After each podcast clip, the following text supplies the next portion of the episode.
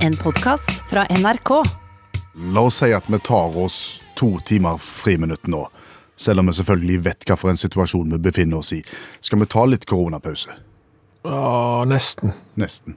Ja. Eh, ja, på en måte så blir det jo koronapause, for jeg tenkte vi kunne starte med å snakke om bullepest. Fordi Nei, fordi det er en interessant eh, historie, og selv om det ikke er helt sammenlignbart med den historien vi er midt oppi nå, så, så er det noen paralleller eh, om å være eh, lojale mot det som de voksne har bestemt. i en eh, pressa helsemessig situasjon, på en måte. Ja. Hva- Hvor langt tilbake i tid skal vi nå? Eh, 354 år tilbake. i Og det er tid. såpass, ja. Ja, det er såpass. Og vi skal til den engelske landsbygda, og vi skal til landsbyen Eim. Aha. I året 1665. AM 1665. Hva skjer der da? Eh, De får bullepest, Eh, og den får de mest sannsynligvis eh, fra en skre med en skredder fra London, eh, som kommer og har med seg eh, tøy, klær som skal sy noe f- med i, i Eim, og, og disse tøystykkene har da infeksjonen i seg, som gjør at eh, bullepesten begynner å spre seg da i denne landsbyen. Og Det er en slags ja, Hva skal du si? En eh, Det er bullepest. Ja, altså Folk får buller, får Ja. blæ, blører på kroppen. Ja. Ok. Og, og, og dette er jo særdeles eh, smittsomt. Og så skjer det, da. Altså for 354 år siden, og det er kanskje her eh, lærdommen kommer, eh, bitte litt, så klarer da denne landsbyen, fordi de har noen driftige ledere her, så klarer de å bli enige om at vet dere hva, for at ikke dette skal spre seg til landsbyene rundt omkring og til hele England eh, videre, så tar vi og isolerer oss. Hvordan gjør de det? Rett og slett bare med å legge steiner rundt landsbyen. Altså ikke noe sånn, De bygger ikke mur. Nei. Det er ikke noe Trump og build that wall. De, de legger noen steiner for å vise at her er ytterkanten. Vi skal ikke gå over den stein- kanten der, Vi som bor inne i byen, og folk som bor ut forbi skal ikke komme inn til oss. hadde de vaktholder som sto og passet på? Nei, men det var selvjustisen. Selvjustisen var så god, har jeg forstått. Det er klart det er jo litt vanskelig med dokumentasjon 354 år siden, men jeg har lest da en eh, oppgave fra en som en eh, har skrevet på et universitet i England. Eh, Og så får de mat, brakt fram til kanten av steinen, og så kan de gå og hente den når de andre har gått vekk. Og altså Naboene kommer og leverer til grensa, på en måte? Mhm. Og, og liksom, da tenker du, ja, men det er jo sikkert kjekt. Eh, Men det er jo ikke kjekt. Nei, kjekt er det ikke med bullepest. Nei, det er ikke det i det hele tatt. Og september 1665, da begynner pesten å ta tak. Da dør det seks mann. Men de holder på. Hvor stor er denne byen? Det er litt grann usikkert. Der er sagt alt fra 350 til 800, men det er en liten landsby. Så i september 1665 så dør de første av bullepest, men de forblir innenfor steinringen sin. Oktober 23 så dør. Flere. Ja. Så kommer vinteren. Det hjelper litt. Men i 1666, når det begynner å bli vår og mai og juni igjen, så går dødstallene betraktelig opp. 21, 56, 78 per måned. Og fortsatt så er det ingen som stikker av og tenker at jeg må vekk fra denne byen her. Ingen! Og tenk deg den selvjustisen der er da. Og den, eh, altså her f- høres gjerne flåset ut, men her, da tar du en for laget. Når du begraver gjerne eh, kone og ungene dine, så, og fremdeles bl- blir værende, så, så, så viser det en fantastisk moral. For, for på et tidspunkt så snur dette her. Ja, september 1666, da begynner dødstallene fort å gå nedover. Oktober og i november dør den siste. Så i november 1666, etter 14 måneder i isolasjon, så kan Eim igjen besøke landsbyen rundt det. Da er de fest, sikkert. Da har de helt sikker fest. Og, og dette ble jo brukt som et eksempel for å vise hvordan det kunne ha gått hvis landsbybeboerne ikke hadde holdt denne karantenen som de var satt i, hvis de hadde spredt seg rundt til nabolandsbyene. Så hadde sannsynligvis de 260 som døde i Eim blitt til et helt annet tall. Med AM 1660. Seks. Hallo, ja? Hallais, Klingsheim! Hei, Stavanger-smurfen. Stavanger-kameratene go, go, go! Jeg skal trege deg igjen. Det er så lenge til fotball nå at jeg tror ikke vi kan tenke på det engang. Nei. Blir ikke fotball nå, nei. Ikke på lenge. Ja, Har du fått med deg de der rødhåla nede i Frankrike? Unnskyld uttrykket, altså. men nå tror jeg du skal være litt mer spesifikk. Og de der 3549 løgnasene som malte seg blå i trynet, tok på seg en hvit hatt og satte verdensrekord i smurfing. Stemmer det? I Frankrike, ja. Ja. Vanlige mennesker utkledd som smurf. Ja, hvor dumme går det an å bli? Ja, det, det finnes ikke grenser for det, sier de. Altså, her har du et virus som herjer rundt omkring i Europa, og du skal holde én meters avstand, og du skal ikke være mer enn to stykker sammen omtrent. Nei, 3549 stykker, og vi maler oss blåe. Uff a meg. Jeg skjems! På vegne av standen, Ja, ja. på vegne av standen. Ja. For å si det sånn, jeg føler meg mest spytta på. Ja, Men du skulle ikke vært der sjøl, Launa, gitt om normale omstendigheter? Vært der sjøl. Ja. For å si det sånn, det har vært saker der folk har malt seg svarte i ansiktet. Da blir det oppstyr. ja. Og for meg som er blå, så føler jeg det ikke mye bedre når folk maler seg blå. Nei. Så nå kan de sitte der i karantene, 3549 mann, og angre. Herre mann, for en gjeng. Men du! Ja. Har du lyst til å kjøpe antibac? Om jeg vil kjøpe antibac? Ja, sånn, sånn desinfiserende væske. Eh, Billig. det, det, billig, ja. Ja. Det, det får jeg vel vanligvis i butikk, selv om det er litt vrient å få tak i nå, kanskje. Du gjør ikke det. Og du får ikke den kvaliteten som jeg tilbyr. Selger du kvalitetsdesinfikasjonsmiddel? Og det er 100, det er 100 Det er ikke 100 det er mer 96. Lager du sjøl? Det er ikke jeg. Hvem, hvem da? Det er meg, meg og kajakken lager. Naboen din? Ja, han, har jo, han bor jo hos meg nå. Han, ja, han måtte flytte inn? Ja, Ah, han, måtte, han flytta jo inn for over ei uke siden fordi at kona er fra Kina. Men nå har jeg vært i Norge i tre år, så han er jo litt nervøs. Men han har ikke flytta tilbake igjen, for å si det sånn, så han bor jo hos meg nå. Og, ha- og sammen så driver dere business nå? Ja, vi begynte å lage antibac. Plutselig så kom kajakken hjem her en kveld med noen kasser med, med noe som han sa vi kunne lage antibac av. Han hadde vært nede i Hafrsfjord, det er jo ikke langt ifra der jeg bor. Nei. Og, og, og snakket med noen sjømenn som han kjente fra en eller annen plass. Han kjenner så mye folk, kajakken. Han er voldsom sånn. Så kjente han de, og så hadde han fått noe greier. Grei, gre- greier? Brennevin? Kall det det hvis du vil. Jeg kaller det greier. Ja. Og så begynte vi å blande Ja, vi blander ikke så mye heller, for å være helt ærlig. Vi har strengt tatt bare tatt det over i sånne bitte små eh, plastikkflasker. Ok. Så nå selger vi Antibac. På gater og streder, Klingsheim, så nå f- skal folk føle seg trygge. Kvinnesland heter jeg. Ja, Samme kan det være. Det er rett og slett en håndsrekning, vil jeg si. Hvordan er distribusjonsnettverket? Komplisert. ja, det vil jeg tro. Ja. Vi skal jo ikke treffe folk, vet du. Nei. Nei, nei, nei, så vi har sånn sånne ordninger der eh, jeg går ut, og så setter jeg ei flaske på en sånn en angitte plass, Ja. og så ringer jeg et nummer, og så kan jeg komme og hente det. Så, så vi holder oss vekke fra det. Så det er, der er ingen kontakt mellom distribusjonsledd og mottakeren, for å si det sånn, og det, og det tror jeg kan være lurt på mange måter. Det, det tenker jeg òg. Ja. Næringsmiddeltilsynet har ikke vært inne i bildet her på noe vis. Nei, de har sikkert karantene. Ja. Ja. Vil du ha? Jeg tror Men jeg kan fi- ordne med at jeg setter det der på et gatehjørne ned forbi studio der, så kan du plukke det opp etter sending hvis du vil. Blankt brennevin på små flasker. Det var ikke det jeg sa. Jeg sa antibac-desinfiserende. Hva du kaller det, det får være opp til deg.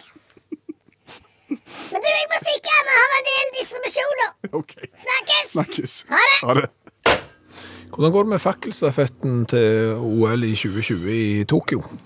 Ikke sånn som de hadde tenkt. Nei, ikke det heller. Nei, Nei. for det var jo en fakkelstafett som skulle starte eh, i forrige uke, og så skulle en ha eh, løpt gjennom eh, Hellas, fra Olympia til Aten, med masse folk og mye greier. Ja. Men, men eh, på grunn av den situasjonen verden er i, så ble jo den stafetten der avlyst, og så var det sånn at tenningen i Olympia og overgivelsen av flammen i Aten ble da foretatt uten at det var publikum til stede. Ok.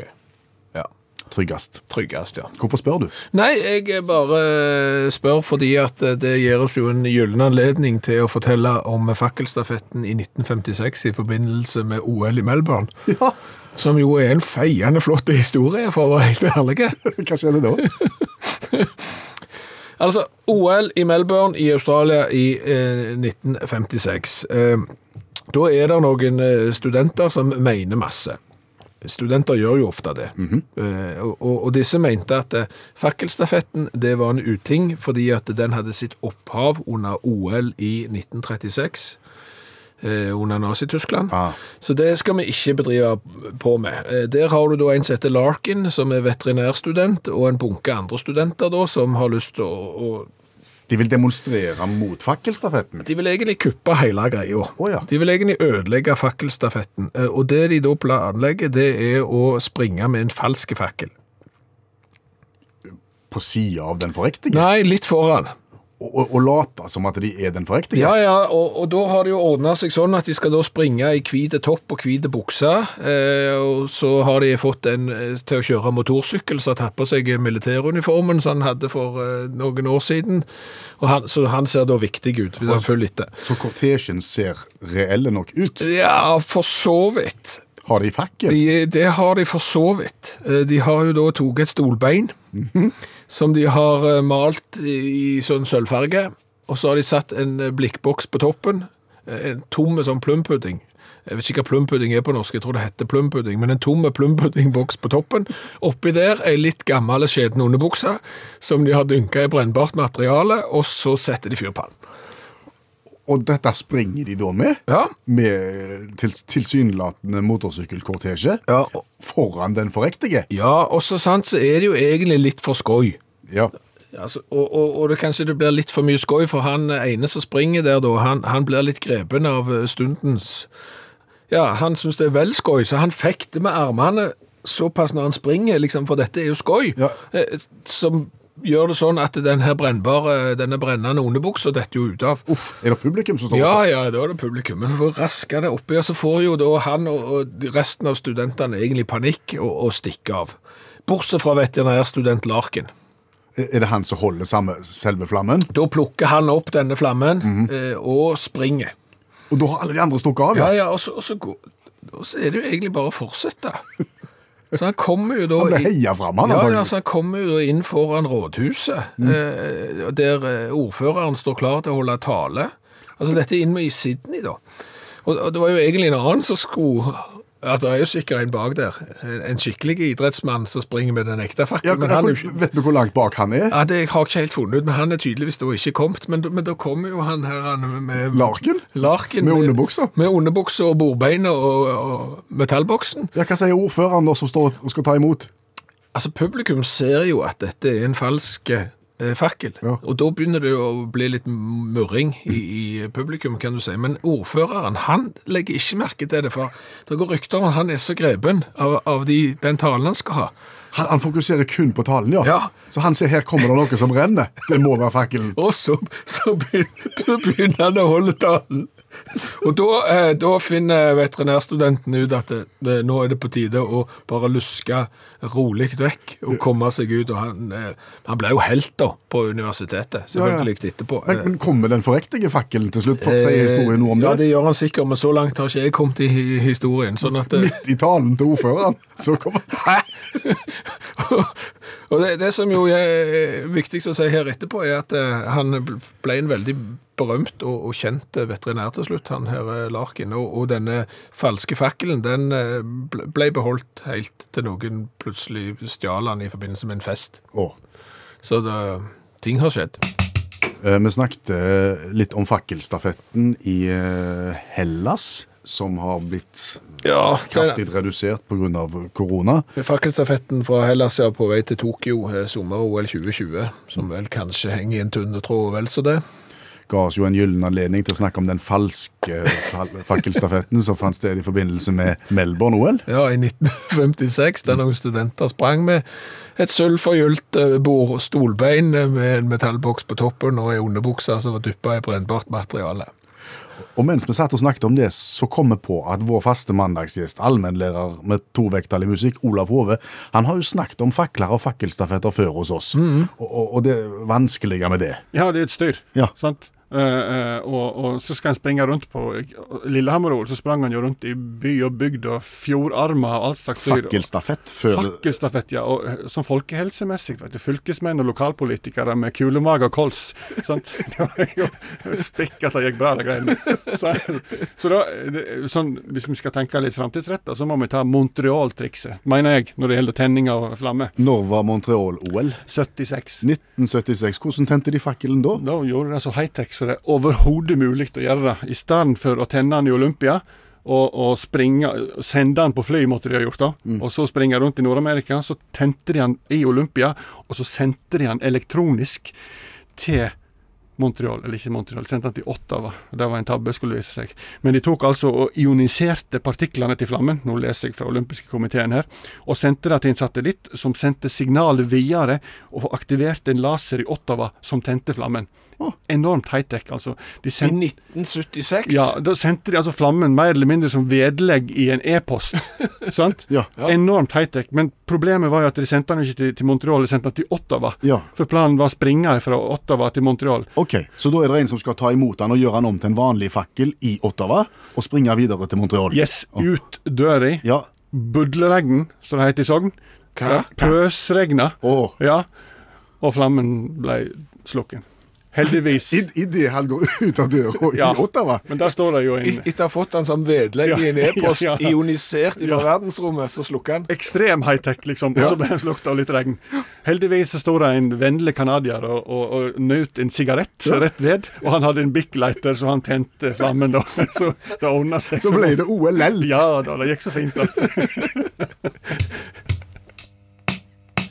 Eh, vi skal være glad for at eh, vi ikke levde på 1820-, 30- og 40-tallet. Ja. Av mange årsaker. Jo, men da hadde vi sannsynligvis vært død. Ja, for, altså, jeg er jo blitt 50, og, og du er jo bare noen steinkast fra å bli 50 du òg. Og eh, i 1830 så var jo eh, snittalderen på menn var jo omtrent 42. Oi sann.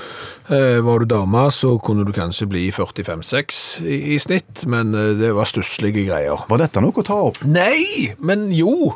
Men det, det, det ble jo bare lystigere herfra og ut. Å, det var godt. Ja, fordi at det, så stiger jo snittalderen. Altså, Forventa levetid den stiger jo og stiger jo og stiger. jo. Og når vi ble født i 1970, Mm. så kunne vi gjerne forvente å bli 76 eller noe sånt, eh, men nå kan vi jo forvente å bli 120. Nei. Nei, men vi kan bli kjempegamle. Ja. Så, så det stiger jo og stiger jo og stiger jo. Og så er det jo kommet en del teorier om hvorfor det er sånn. Og, og eh, i, i alle de teoriene så syns jeg det mangler en vesentlig en. En, en teori på hvorfor vi blir eldre og eldre? Ja, jeg vil si jeg, jeg skal ikke På grensen til ikke teori. Det er på grensen til nesten fasit, vil jeg si. Er det noe du har funnet på sjøl? Ja, det er det. Ok, nå skal vi presentere Bjørn Olav Skjæveland sin forklaring på hvorfor menneskeheten eh, blir eldre og eldre. Du blir hva du spiser. Ja, det er jo så. Spiser du sunt, så lever du lenger. Nei, nei, nei, nei. nei. Nei. Det er ikke, der jeg, det er ikke det jeg tenker på. Ja, selvfølgelig. Altså, spis sunt, det er noe greit, men, men eh, vi blir det vi spiser. Og, og det som jo har skjedd eh, siden 1840 og fram til nå, det er jo at det har kommet veldig mye eh, bedre konserveringsmidler. I maten, Ja. som gjør at maten holder seg lenger, ja. Ja, Mm. altså du kan jo kjøpe et eple nå, så kan du legge det i kjøleskapet, kan du spise det et halvt år etterpå. Jo, helt uhørte greier. Du kan, har du sett Og nå, bilder av nå sånn? overdriver du. Nei, jeg overdriver ikke, og vet du, jeg fikk en pakke med eh, skinke. Rett fra eh, produsenten her for eh, en måned siden. Og eh, normalt sett så går jo jeg i butikken, og så kjøper jeg skinke. Og så ser jeg på holdbarhetsdatoen, og så er den gjerne to-tre uker frem i tid, hvis jeg er heldig, og så kjøper jeg jo den da. Mhm. Den som jeg fikk rett fra produsenten, det var to måneder holdbarhet. Nå får du veldig lyse stemmer. Ja, merker du det? Ja. Jeg ble så grepen. Ja. Så den holder seg jo kolossalt lenge. Fordi han har tilsatt konserveringsmidler. Ja, det, ja, altså måten det blir lagt på og sånn, og du vet jo det, at det er masse tilsetningsstoffer i maten vår. Hvis du leser innholdsfortegnelsen på Ja. den maten du kjøper, så er det konserveringsmidler. Og de er jo lagt for å konservere, Skjønner. altså for at maten skal holde seg. Og de spiser jo med. Ah, da skjønner jeg teorien. Ja. Vi spiser masse mat Mhm. med konserveringsmidler. eh, da får vi masse konver- konverseringsmidler Konverseringsmidler. Nei, Hva, hva sier jeg for noe? Nei, vi sitter ikke og snakker. Jo vel sitter vi og snakker om dette, men konserveringsmidler. masse konserveringsmidler i magen, Ja. og dette sprer seg rundt i legemet Ja. og sørger for at vi lever lenger fordi at vi på en måte konserverer oss sjøl Ja. Mhm. gjennom maten. Det er en interessant teori. Det er ikke bare en interessant teori, det er en genial teori, syns jeg. Altså, Hvis du går tilbake da til 1800-tallet, Ja. hvordan konserverte du mat da? Det eneste du kunne gjøre, nesten, det var enten å henge det til tørk, Eller grave den ned. eller grave det ned, eller salte det. Og vi vet jo hvordan kroppen reagerer på for mye salt. Det er jo ikke løye at de ble 42 år. De fikk jo i seg så mye salt at de døde jo sikkert. Nyrene klapte vel sammen og sa takk for i dag. Men så skjer det en utvikling. Så får du mer og bedre konserveringsmidler. Ja, det skjer andre ting òg. Dette er ikke bare konserveringsmiddelet sin, sin fortjeneste, eh, men, men sikkert mye. Vi noterer teorien.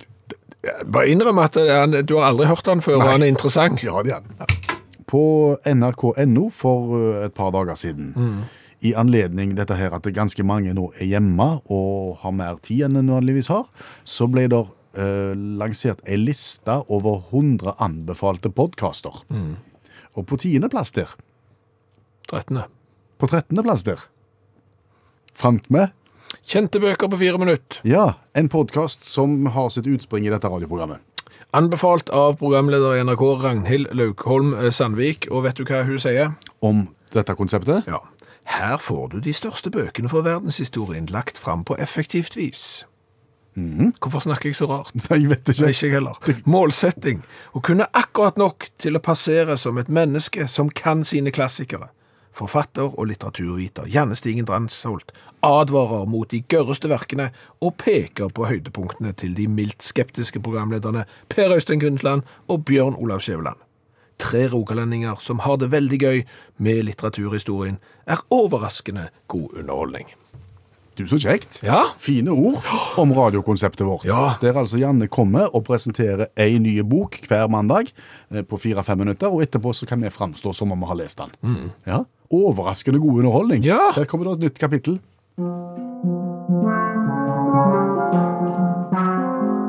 Nå skal du få lære deg Rødt og svart av Standal fra 1830. Den kan oppsummeres sånn. Julien Sorel har lyst til å bli enten soldat eller prest, men ender i stedet opp med å forføre damer. Han skyter en av damene i ei kirke, så blir han dømt til døden, men både hun ene dama og hun andre dama tilgir han for det. For han var god på bånd. Ja, jeg tror ikke han var Jeg, jeg vet ikke om han var god på bånd, men han var i hvert fall veldig sånn sjarmerende type. Men, men han kunne velge mellom å bli soldat og bli prest, og valgte å bli kvinneforfører. Er det, er det en yrke, det? For jeg vet jo at det er jo prester som eh, er kvinneforførere her, og soldater, så han kunne jo egentlig Ja, egentlig, for jeg har lest dette. For han er veldig opptatt av Napoleon da, og syns at Napoleon er veldig tøff. Men denne boka finner sted etter at Napoleon har falt, så egentlig så er det visst ikke så veldig aktuelt å bli soldat lenger, fordi at det yrket liksom forsvant litt med Napoleon, da. Så egentlig så burde han ha jobbet i bank. Så det burde jo egentlig Jeg vet ikke hva farge For altså rødt og svart det viser til liksom Soldatuniformen er rød, presteuniformen er svart, da. Så det viser til de to forskjellige uniformene. Så jeg vet ikke hva eh, bank om de hadde noen uniform for det, eller Men i hvert fall så, så jeg velger han jo ingenting av dette. Han bare forfører damer i øst og vest. Men hvorfor måtte han skyte? Jo, fordi at han har eh, en affære med kona til borgermesteren. Og så tenker han, så blir hun veldig eh, klar for å liksom ta dette et steg videre. Men da er han sånn, nei, jeg gidder ikke dette. Så blir han heller sammen med dattera til en sånn aristokrat. Men da blir kona til borgermesteren veldig sint, så hun sender et brev til dattera til aristokraten og sier han her var sammen med meg først. Og da blir han kjempesint, og da skyter han henne. Hvem var de? Eh, hun første, borgermesteren sin kone. Å. Og så overlever hun på mirakuløst vis. Og så sier hun 'jeg tilgir deg', men samfunnet tilgir han jo ikke, da, så han ble jo dømt til døden. Men også. han skulle jo ikke vært soldat hvis han er så dårlig til å skyte. Det viser jo historien her. Ja, Eller så skyteglad. At han kan ikke bare skyte all slags folk fordi om du er soldat. Men vet du hva, Jeg får litt assosiasjoner, for, for å trekke litt linjer her, til, til, til Jane Eyre her. Ja, jeg er enig. For at her har du en mann som i utgangspunktet er håpløs, og som, som, som ikke er noe sympatisk i det hele tatt, men så er det da damer som tilgir, og som ønsker å please han allikevel. Du vet hvor glad jeg blir når du trekker de linjene, og du har helt rett. Det som også er litt tøft, kan jeg si det, det er at det, der er jo òg noe som heter Standal-syndromet, som er ø, oppkalt etter denne forfatteren. Å. Og det er, For han var i Fi- Firenze på et eller annet tidspunkt, og så ble han så sykt overvelda av at det var så mye kunst der. Så, så Standal-syndromet det er en sånn følelse av å bli overvelda av liksom, mengden av vakker kunst, og da kan du begynne å hallusinere. Vet du hva, den har jeg kjent på. Har du kjent på den? I Firenze, Ja. i 40 varmegrader. Det var så mye av absolutt alt, men jeg hallusinerte ikke. Jeg trakk inn på Ja, ja, pizzarestaurant. men det er samme. det er samme. Bare en eller annen fysisk sult er sikkert òg en del av det. Du ødela jo hele resonnementet her. Kunne du framstått som en kulturelsker og sagt at du hadde fått san- standa- sandalsyndrom i, i Firenze, og så istedenfor så sier du det var 40 grader, det var så varmt. Kanskje det var sandalsyndromet, da. Det kan jo ha vært varmen som tok sandalen òg. Ja, ja, det vil jeg tro. At det hadde en viss påvirkning. Men eh, visstnok så er det sånn at nå er det sånn at du kan òg sammenligne det med over, følelsen av å bli overveldet når du f.eks. er på shoppingtur i London. Det, er liksom, det er så mye du kan kjøpe. Oxford Street, sandalsyndrom, neste sandal. Ble det bare feil. Dr. Martins, Dr. Martins, hvor finner jeg de billigste? Ja, hva skal jeg ta svart eller lilla? Jeg vet ikke. Har du et berømt sitat fra boken Svart Ja, og hvitt? det har jeg Nei, faktisk. Fra Rødt og svart. Har du et berømt sitat fra boken Rødt og svart? Ja, det er dette. Man kan se at Julian ikke hadde hatt noen livserfaring. Han hadde jo ikke engang lest romaner. Så han er egentlig for tidlig til at vi kunne redde han med våre kjente klassikere på fire minutter. Hvis bare han hadde levd på 2000-tallet i stedet- istedenfor. Ha, Det gir perspektiv, Skjæveland. Ja, det gjør det. Vil du oppsummere Rødt og svart for oss? Ja, det, det, det kan jeg godt. Altså, Hvis du sitter der nå eh, som eh, nyutsprungen russ eh, og tenker at eh, hva skal jeg bli i verden? Eh, jeg kan f.eks. bli prest, jeg kan f.eks. gå inn i militæret. Så er det et tredje alternativ, og det er å bli Casanova. Ja. Men ikke eh, skyt borgermesterens kone, da blir det dårlig stemning. Og vær veldig obs på Standalsyndromet. Ja. Var det en grei oppsummering? Ja, jeg synes det var veldig fint. Men jeg tenker fremdeles på den linken du dro til Jane Eyre. Den var veldig fin. Tusen takk for det. Janne Stigen Drangsholt, forfatter og litteraturviter. Jeg eh, ga vekk slalåmski i dag. Fysisk? Ja, ja, altså to par slalåmski, eh, to par støvler. Det er bare det ene slalåmskiparet hadde bindinger, da. det andre hadde, var i plastikken ennå, det var helt nye, aldri brukt. Ga du vekk til tilfeldig forbipasserende på gaten? Nei, nei, det er jo sånn du gjør nå. Nå går du inn på rubrikkannonser på internett. Gis bort mot henting, en feiende flott måte å rydde på. Eh, Tok det lang tid før du fikk napp? eh, cirka fire minutter, og etter et kvarter var de vekke. Det er helt utrolig. Ja, det er Genialt. fan- fantastisk. Og da er det noen som har fått seg gode slalåmski, og så har jeg blitt kvitt eh, slalåmski. Så det er akkurat sånn det skal være. Men det som jo da skjedde, eh, var jo ikke så viktig med disse slalåmskiene i denne historien. Det er jo at da er jo jeg inne på en rubrikkannonse på internett. For jeg har jo lagd en. Ja, ja. Sant? Og så klarer jeg da å komme inn på eh, en annen sin annonse. Du manøvrerer deg inn på andre annonser. Ja. Ok?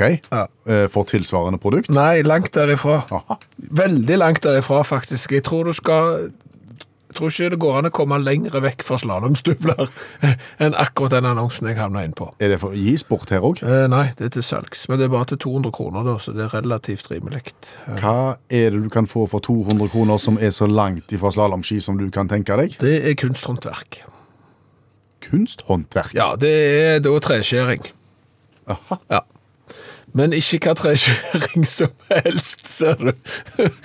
Det er nemlig vovet eh, treskjæring. Fire skulpturer av veldig, veldig vovet eh, karakter. Ok. Ja. Al- Hva hva er det de viser? Altså, det er Alt. nakne- Altså nakne mennesker i utfoldelse? Ja, og vel så det. Oi sann. Og, Å og, og noen deler på kroppen er veldig overdimensjonert òg. ja. Ja, ja. Så dette, dette har noen spikka og lagd? Ja, det var det jeg òg satt og tenkte på, at dette har noen satt seg ned. Altså, Én ting er at vet du hva, jeg får lyst til å begynne med treskjæring. Ja. Det, er, det er lov. Det er helt greit. Noen begynner med dreying, og andre begynner med treskjæring. Det er helt fint. Hva skal jeg lage for, for noe? Eh, nei, jeg kunne jo gjort som de fleste andre. For eksempel ei geit. Ja. Det kunne jeg lagd. Vedkommende her gjorde ikke det. Nei, jeg kunne lagd troll. Nei, gjorde ikke det heller. Nei, jeg gjorde ikke det heller. Nei. Hva med pornografiske figurer i utfoldelse? Det Mhm. vil jeg bruke treskjæringskunsten Jo, til. Og, og, ok, og, og det er greit. Jeg har ikke noe imot det. Men jeg bare lurer på hva Hvor tenker du at de skal brukes? Altså, der, der skal noe til at folk flest setter det på toppen av peishylla si. Det går ikke, det. Nei. Nei. Nei, det kan du si. Men det var for salg. Er, det, Ja. for, er det fortsatt for salg? Nei, nå er de solgt. De er solgt, ja. Ja. Det er marked. Ja, tydeligvis. OK. Og, og, og det som jo er, er vel så rart, er at når du da er inne på den type kunst, som jo nå vi vel ettertrykkelig har forklart er Eh, det- særdeles vovet, Ja. så, så kommer det jo sånne anbefalinger lenger ned på sida at det, Og tilsvarende ja, også. altså, hvis du er interessert i dette, så er du òg kanskje interessert i dette. Ja, og hva Da- kunne dette her være? da? Det er da jeg opple- oppdager et, et, et marked jeg ikke visste var der. For treskjæring? Nei. Undertøy. Salg av undertøy? Ja. Aha. Brukt. Brukt undertøy. Ja. Ja. Det har jeg lest om på internett, eh, på, på, på, på nettaviser, at det er, der er folk som tjener penger på å selge det. Jo, men så står det jo i den ene annonsen der at eh, du kan sjøl velge om du vil ha det nyvaskt eller brukt. Altså, eh, eller Sier du det, Ja. altså? Er det samme pris om det er nyvaska eller, eller, eller ja det, ja, Eller det er brukt. samme, ja, det er samme pris. Ok. Mhm. Enten rent eller, eller brukt. Og det, det markedet så ikke jeg for meg. Er det kvinner eller er det menn som selger? Nei, det er jo da kvinneundertøy som er til salgs. Enten nyvaskt eller ikke vaskt i det hele tatt. Og da gikk jo tankene enda et hakk videre her. Ja vel. Via treskjæring, Ja. fra undertøy. Du, jeg tror ikke du finner en sånn en annonse for mannlig undertøy. Brukt eller nyvasket Ja. for salg. Speedo. En litt skjeden brokte speedo har vært, bro- vært brukt på trening. Fotball så- sågar. Til s- Du, det finner du ikke. Du gjør ikke det? Nei. Så det markedet, der, er- der, der er vi ikke. Altså, verden er rar, altså. Når du må sitte hjemme nå, og ha hjemmekontor, og være inne, og Ja. ha hjemmekontor, og, og så være inne litt, og, og så ha hjemmekontor, og Hva tenker du det som skjer da? Du får kolossalt mye tid til å tenke deg om. Ja. og- og det pleier ikke å være bra. Det er ikke alltid det du skal mest av, nei. Nei, jeg, jeg, jeg, jeg skal ikke men, jeg, men jeg kom til å tenke på de eh, brødrene Wright. Eh, første gang eh, når de lagde fygemaskin. Ja, det var de første som fløy. Ja, Eller var de nå det? Med- med, med, altså, fly. Ja, de, de krangler vel om det. Det er noen som mener det var en nordmann og, og all slags. Men, men de var iallfall tidlig ute med fygemaskin. Og, og vi har jo sett eh, bilder av det. Da er det jo store ansamlinger med folk, og det må jo være en helt sånn sinnssyk opplevelse å se mennesker fly for aller første gang. Helt utrolig. Ja. Tenk å ha vært der. Ja, tenk å ha vært der. Og Liksom, Hæ, hva var det? Og, og sikkert det samme enda tidligere, når eh, Montgolfier, brødrene, Og Brødre igjen, ja. ja, jeg vet ikke hva det er med fyging og brødre, men det, vet du hva, nå har Trygg, jeg, lyst- tryggest å være to, tenker ja, jeg. nå har jeg lyst til å finne på et eller annet som gjør at vi kommer oss opp i lufta. Har jeg en bror? Ja, det har jeg, Eh, men de var jo eh, ute med luftballong. De var første med det, ja. Ja, jeg tror det var i Paris. Og tenkte jeg det når liksom ting steg til værs. Det har du aldri sett før. Det må jo ha vært et kolossalt sjokk. Tenk å ha vært der. Mhm. Ja, tenk å ha vært der. Men hva er det du har tenkt på egentlig? Nei, jeg har jo tenkt på, eh, litt i kjølvannet av det da. Ja. For på et eller annet tidspunkt så må jo et dyr ha fløye for første gang. Ja. Altså, der står du med kompisen din, sant? som du har vært sammen med hver dag den siste tida. Stått rundt vannhålet, jeg vet ikke hva du har gjort, jeg. Stått og drøst, eller Nå er du dyr. Ja, eller fortalt annet. skrøner, eller noe sånt. Og plutselig så tar han til vingene og bare 'Takk for i dag'. Det må jo være en kolossalt stor overraskelse som du ikke så komme. Men hva dyr tror du vi snakker om? Jeg eller? har ingen anelse hva dyr som var det første som fløy, men Jeg tror det kanskje er en fugl. det var jo ikke fugl før.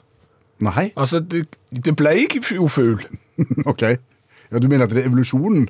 Altså, men det var ingen som fløy og så på et eller annet tidspunkt som Ja, men så begynte. På, en eller annen, på et eller annet tidspunkt i verdenshistorien så må jo et dyr ha tatt til vingene for første gangen. Faren hadde ikke gjort det, mora hadde ikke gjort det, søsknene hadde fremdeles heller hvorfor har ikke ikke gjort det. de gjort det da? Nei, jeg vet ikke jeg. Og plutselig så tar Kåre av gårde.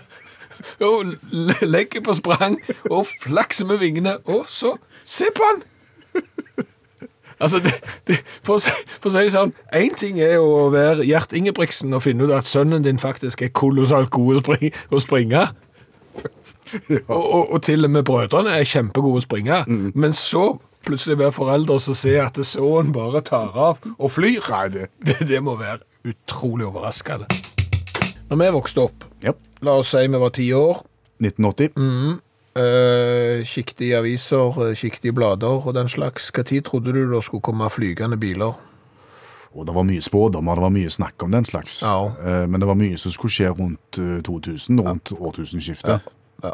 ja, det trodde jeg òg. Og eh, tilbake til fremtiden, eh, filmen. Back to the future. Der eh, drev du vel og fløy med biler på 2000-tallet. Så det var jo helt bombesikkert at det eh, kom til å skje. Har jo ikke skjedd. Har ikke det. Eh, vel kanskje nærmere nå enn noen gang, men det vil det jo alltid bli. Godt poeng. Veldig godt poeng. Men, men, men jeg kom over en artikkel eh, over noen som eh, la oss si at de bomma litt på satsinga si. Ja vel, med tanke på f- flygende biler. Eh, ja, nesten. Flygende bobiler. Finnes det flyvende bobil? Ikke nå lenger. men det gjorde. Var det noen som hadde en plan om flygende bobil? Ja, ja, ja. Hvem da? Ah, Winnebago. Wi- Winnebago. Winnebago. Ja, det er jo da et amerikansk selskap som lager bobiler. Og det er legendariske bobiler. Det er sånn, oi, det er skikkelige bobiler. Altså, Winnebago, det er vel Jeg lurer på om bobil ble kalt for Winnebago i USA en stund. Nå heter det vel kanskje Motorhomes, men, men de var svære på, det, på dette. Skjønner. Så eh, har jo eh, USA en tendens til å være i en og annen krig. Eh, og, og når da en av disse krigene er over, så sitter Forsvaret igjen med en del overskuddshelikoptre. Og da er det en eller annen som eh, kommer på at vi skulle ikke lagt et sånn helikopterbobil. En representant fra Willy Bago? Ja, og så klarer han jo å få med seg noen på lag. Og det er jo det som er godt gjort. Han må jo ha talegavene eh, 110 i orden, når han da klarer å få med seg resten av følget på Yes! Let's do it! Ja. Så eh, på 70-tallet så lager jo de da flygende eh, bobiler. Som er for salg? Ja, ja, av, eh, av eh, Sikorsky-helikoptre som de har kjøpt. Ser jeg for meg en bobil nå, som henger under en rotor? Nei, du, du gjør ikke det. det. Altså, det er et helikopter. Å, ja. Så det, det, et- Helikopteret ligner for så vidt på det helikopteret som de har kjøpt, eh, men de har jo malt det da i disse spesielle Winnebago-fargene, som er litt sånn gulige og med striper og sånn. Ja. Og så har de montert eh, over døra, under rotoren på langsida av helikopteret, der har de montert sånn eh, eh, Hva heter det for noe sånn? Så, eh, p- med persienner, markise, Markise, ja! så du kan ta ut og du skal du- sitte med campingstolen Ja, under. ja, og så har de jo innreda det med kjøleskap og med bord og med sengeplass til opptil åtte stykker, og det er ikke måte på alt de har. Eh, blir det en kommersiell suksess, tror du? Siden jeg ikke har hørt om det, så tror jeg nok ikke det. Nei, og det finnes jo nesten ikke bilder av de heller, så den store suksessen eh, har det ikke blitt. Det blir spekulert i om de har solgt seks eller syv. Å ja. Ja, Det litt må jo usikkert. koste en skvett da, hvis du Det skal ha har- flygende bobil. Det har kosta faktisk eh, kolossalt mye penger. Eh, i- Det var to typer helikopter, et stort og et kjempestort, som du kunne kjøpe. Eh, Et på 800 hester og et på 1500. Det var jo kjekt. Eh, Prisen strakk seg da, og vi er på 70-tallet, 185 000 til 300 000 dollar. Og mye penger i dag. Mye penger da òg. Hvis du ikke syntes det var en god idé å eie ditt eget, så kunne du leie det for 10 000 dollar i uka, pluss kostnad for pilot og bensin. Vet du hva jeg ser for meg? Nei. Campingplassen. Når når Kristiansen, som er der allerede, sitter ut på, på vogna si og har seg, og har seg en pinne. Og så kommer det en fra, fra lufta og lander rett på sida av Ja, den. men Det er jo én ting, men det kan hvis de akkurat har satt opp forteltet, og så og blø. Jeg tror ideen her var at du skulle komme deg til plasser der de andre ikke kom. Ja, det tror jeg er lurt. Men Velkommen til Valle Sparebank. Skal du sperre kortet, tast 1. Skal du melde skade, tast 2. For andre spørsmål, bruk våre digitale kanaler. Eller kontakt dere i åpningstiden, som er mandag til fredag klokka 07 til 23. Og lørdag og søndag fra klokka 09 til 23. Nå skal vi langt til havs. Ja, vi skal smake på cola i, fra Samoa. Ja, og da er du ikke så langt ifra Fiji-øyene, hvis det sier deg noe. Ja, det er omtrent s- Ja, det gjelder Stillehavet, men ikke det? Altså, du er i, Hvis du er i Australia, Mm. og så går du fem-seks centimeter til høyre ut i kartet, midt utpå der. Til høyre for Australia? Til høyre for, altså- Hvis du ser det nedrente? Ja. Ok. Så du er på en måte midt imellom Australia og Mellom-Amerika, på en måte. Havet der. Ok. Langt til havs. Så hvorfor skal vi der? Nei, eh, fordi at vi skal smake på taxicola. Ja, Som har kommet helt fra Samoa? Ja, fordi at Bjørn Ove Finseth har vært eh, på Samoa. Han var i hovedstaden Apia eh, i midten av januar. Kjøpte da med to forskjellige colaer til oss eh, fra Samoa, og så dro han videre til USA, og så tok han en rundtur der, fremdeles med cola fra Samoa med seg, og reiser så hjem og sender de til oss. Så det er jo nesten på grensen til, til linjecola. Det er rørende. Ja. Vet vi hvorfor han heter Taxicola? Nei, det gjør vi faktisk ikke. Eh, altså, det er en blanke, gjennomsiktige glassflaske. Ja. Og etiketten også er gjennomsiktige. Han er bare klistret på med rød taxilogo på en blå sirkel. Og jeg- Det ser jo egentlig ut som et sånt taxiemblem som et taxiselskap kunne hatt på, sitt, på bilen sin. Ja, ja. Og bakgrunnen for dette, den har vi hørt før, ser du. Fordi at på Samoa så hadde de øl, men de hadde ikke lokalt øl. Og det er det noen som sier at hvis du skal være et skikkelig land, eh, så må du ha eget øl og et eget fotballandslag som gjør det godt. Eh, Samoa har nå øl.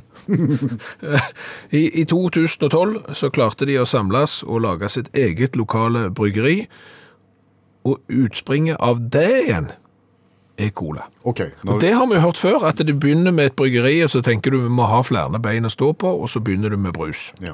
Så kaller vi det for Taxicola. Ja, og og de har jo ikke bare taxicola, de har taxilemonade, de har taxi orange, taxi cola lime, de har nei, cool lime, de har taxi blue, og de har taxi strawberry, og de har taxi raspberry, det er ikke måte på hva de har taxi av.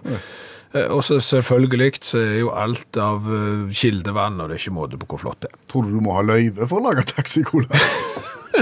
Jeg vet ikke. Men er du spent på å smake Ja, veldig. cola fra Samoa, som har vært via USA og havna i Stavanger? Hvis jeg ikke tar feil, så eh, han som har sendt oss Taxicolaen, Mm. jobber vel egentlig på Sydpolen, gjør han ikke det? Bjørn Ove? Ja. Han er vel på den norske Ja, forskningsstasjonen det er han der, som har tror jeg. fått utaktgenser av oss. Yes. Ja. Så nå har vel vært en svipp innom i anledning. Lukter Lukter cola.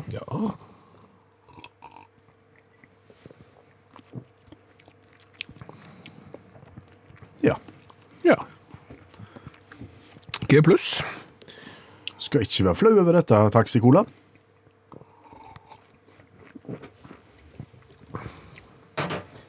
Akkurat. Altså, det ble ikke for søtt. Nei. Det der var ikke verst, den. Smaken forsvinner veldig fort. Ja. Det skal han ha. Så, så du er jo i pøsesegmentet her. Og gjerne forklare det for folk som ikke har hørt det før. Men pø- pøsekola er jo et begrep om en cola som ikke s- forsøter, så du blir ikke liksom sånn kvalment søtt. Nei. Og samtidig så smaker den ikke så mye at du Ja, du kan delje nedpå. Hold, holder på en stund. Ja, det, det kan du. Ja, men dette her er midt på treet. Det er Kjenner du at nå kommer det en ettersmak? Ja, litt beisk. Han, Han står seg han godt. står seg til fem. Ja, han i smak. står seg til fem. Ja da. Og jeg syns flaska er tøff. Den er Helt annerledes enn alt annet. Ja, ja. ja. Og ikke noe sånn lavpris plastikkflaskeskvip. Og ingen i- ikke forsøkte å gi seg ut for å være noe annet enn det. Taxicola er tøff. Det er for syv, Seks. syv faktisk, i designerlegg. 7 og 13 og 10, 23. Det Ikke er verst. akseptabelt. Absolutt. Så hvis du skal for eksempel til Sydpolen og tar turen via Samoa, så, så anbefaler vi den. Ja. Opptur heter sangen. Bandet heter Drollsum Stasjon. Og det er såpass spesielt det navnet på det bandet at du får litt lyst til å vite hva Drollsum Stasjon er for noe. Ja, det er en holdeplass. Jaha. Ja, det er ikke en stasjon lenger, det er en holdeplass. Hva er forskjell på en holdeplass og en stasjon? Nei, si det. det Det vet vi ikke. jeg, tror, jeg tror det er en degradering. Det er litt som hvis du har vært direktør, og så må du gå av, og så får du en sluttpakke. Eh, det- altså, har du vært eh, holdeplass, eh, har du vært stasjon, og så blir du bare holdeplass. Men jeg har kjørt forbi Drollsum stasjon. Ja vel. Hvor er vi hen i Norge? Eh, men ikke så langt ifra Vikersund. Fra hoppbakken. Jeg kjørte fra Lillehammer eh, ned mot eh, Kongsberg. Og Dette er interessant for folk. Bare ta det fort. Ja, ok. Eh, Og da kjører du eh, forbi, og det er sågar to avkjørsler til Trollsum stasjon. Så jeg ble, jeg ble overraska over at jeg både kunne ta den første til venstre og den andre til venstre, og allikevel eh, komme inn til Trollsum stasjon. Men som sagt, så var jo dette et, eh, en, eh, en stasjon. Randsfjordbanen i Modum kommune ble åpna i 1903. Eh, og så ble det da betjening. Det var der helt fram til 1970. Og i 1973 så ble han nedgradert til holdeplass. ser du. Da ble det sluttpakke og takk for i dag. Du er ikke lenger hold eh, stasjon, du er holdeplass. Og, og nå har han ikke noe trafikk eh, lenger, men er oppført i Jernbaneverkets network statement og er ikke offisielt nedlagt. Nei. Det er vel litt som Ålgårdbanen i, i vårt eh, fylke, som heller ikke er offisielt nedlagt, men hvis du ser et tog der, eh, da er det grunn til å så slutte å røyke de der gamle Opel-setene så du sitter hjemme i garasjen og fyrer opp. Du påstår at du til hver tid skal være i stand til å finne ut hvilken rubrikkannonse jeg har funnet på internett ved hjelp av 20 spørsmål. Ja, jeg pleier stort sett å klare Ja, det. stort sett, Ja. men forrige uke så bomma du stygt når jeg fant et reisevekkerøy. Ja, da måtte jeg melde pass. Ja. Det gikk ikke da. Nei. Skal vi prøve igjen? Ja, vi skal det, og for bare ett minutt siden ble det lagt ut et produkt faktisk i vår nærhet, i vår region. OK. Hold for ørene, så skal jeg fortelle folk hva det er. Det er en fotoboksvarsler. Fotoboksvarsler. Yes. Vær så god. 20 spørsmål. Er det noe eh, du tenker at dette vil jeg ha? Nei. Eh, er det noe som du kan tenke at dette kona mi vil ha? Nei. Er det fordi at jeg har det fra før? Nei. Er det noe du kunne tenkt deg? Eh, nei. Er det et meningsløst produkt? Mm. Nei, men n- nei. Vet du, jeg, jeg må- må bare få si det. Du spør om det er et produkt som jeg kunne tenkt meg å ha. Ja. Jeg jeg har det.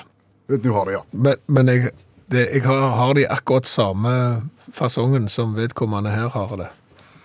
Ja, Nå ble det mye enklere. Ja, ok. Eh, er dette her nok eh, altså, er det, Hvis det er helt uinteressant for meg, er det fordi at dette her er en Er, er, er det et kunstverk Nei. som jeg Nei.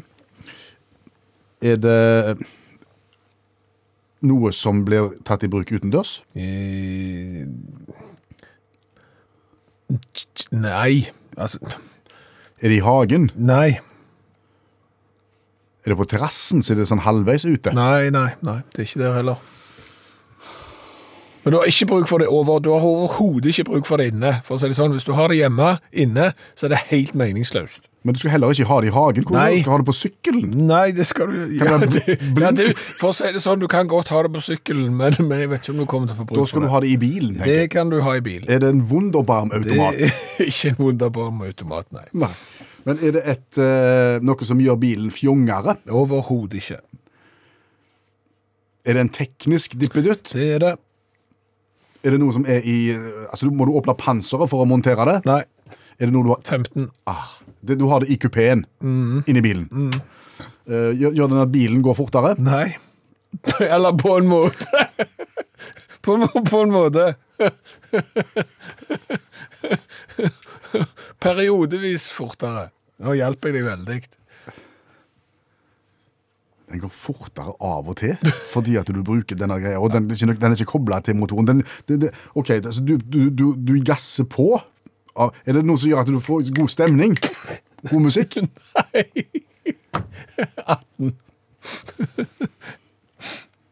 Hvorfor kjører jeg fortere da? Fordi, at jeg, er re- fordi jeg er ikke redd for å bli tatt? Stemmer det. Det var 14. 19, mener jeg. Ja, men Hvorfor blir jeg ikke redd for å bli tatt? da? Fordi at eh, jeg har en, en eh, politivarsler? Ja, nesten. En fotoboksvarsler. Åh. og, og- og det, jeg har en akkurat like. Ja.